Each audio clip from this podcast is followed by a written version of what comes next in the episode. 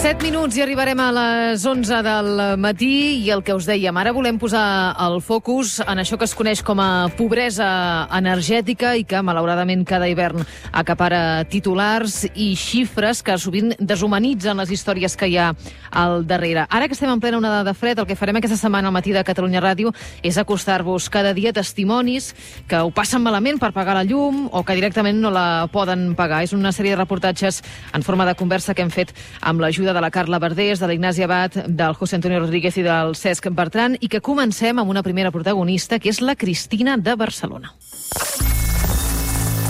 Soy Cristina García, tengo 51 años y vivo en La Salud, en Badalona.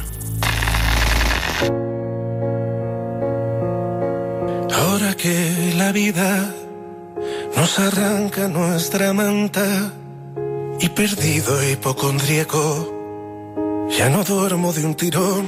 Cristina, tu pots pagar la factura de la llum? Mm, pues siéndote sincera, hasta hace cuatro o cinco meses tranquilamente la podía pagar, pero ahora no.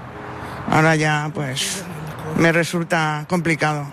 Y no sé, la- cuando venga la de este mes o- y también la del otro y los próximos recibos, pues seguramente, pues, pues no. Tendré que ir otra vez a la trabajadora social que me haga el otro informe o lo que sea para que no me corten. Tú estás en paro, no tienes trabajo. Ujú. ¿Hace cuánto que no trabajas? Pues desde que nació mi hija pequeña, siete años. ¿Eres fotógrafa? Ujú.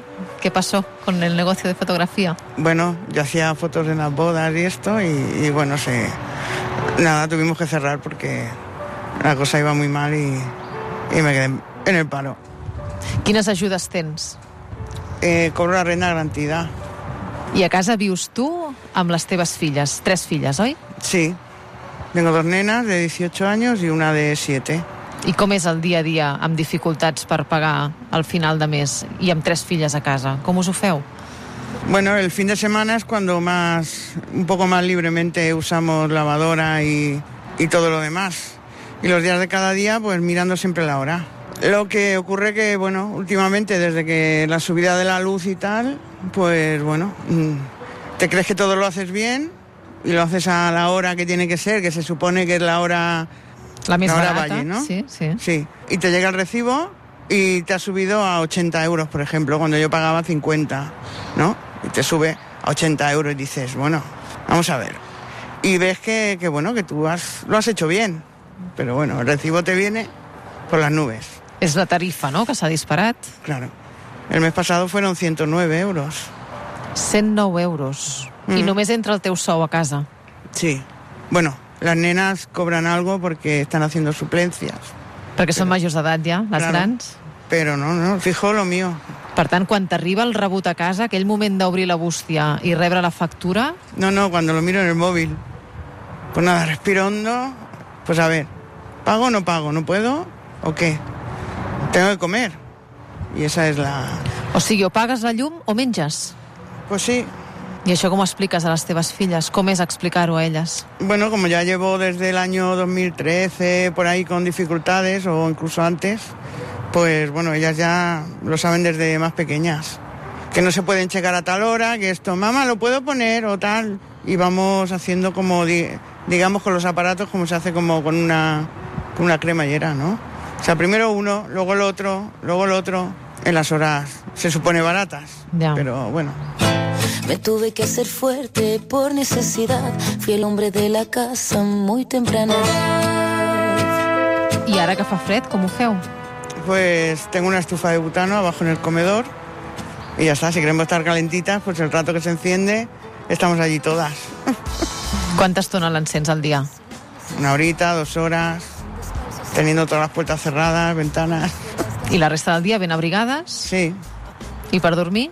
pues nada, manta y calcetines y, y ya está. O sea, ellas lo viven también un poco con ya normalidad, ¿no? Tristemente. I per pagar el rebut de la llum, com tu faràs? Perquè se t'anirà acumulant aquest deute. Bueno, iré a la trabajadora social si es que me tiene que renovar el informe y ya está, para que no me puedan cortar y ya veré cómo lo pago. Pues aplazado o, o a ver. Clar, perquè tu vols pagar. Sí, sí, claro. Si yo llevo ya dos o tres años pagando mis recibos, o sea, no, yo pudiendo, pues ¿por qué no? Tu tens el bo social? Lo tenía, pero me lo... Ahora no, lo tengo que solicitar.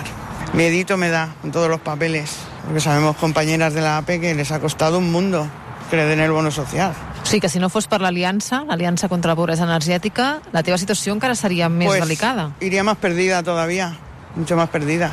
Porque claro, desde la APE, pues bueno, estamos ah, informadas de todos, estamos a la última de si sale algún decreto ley, si sale esto, si sale lo otro.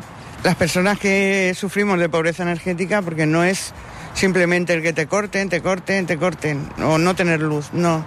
Pobreza energética es no poder pagar la luz porque lo necesitas para comprarte una botas, lo necesitas para comprarte lo que sea y sobre todo para comer. Y lo más básico. Tienes que poner las lavadoras contadas a ciertas horas. Eso es pobreza energética ya. O sea, no, no necesariamente te han de cortar la luz. Moltes gràcies, Cristina. Pues de nada. Gràcies. Desde que nací conocí la necesidad. Aprendí de la vida, la calle y su soledad. Mi verdad. El matí de Catalunya Ràdio. Amb Laura Rossell.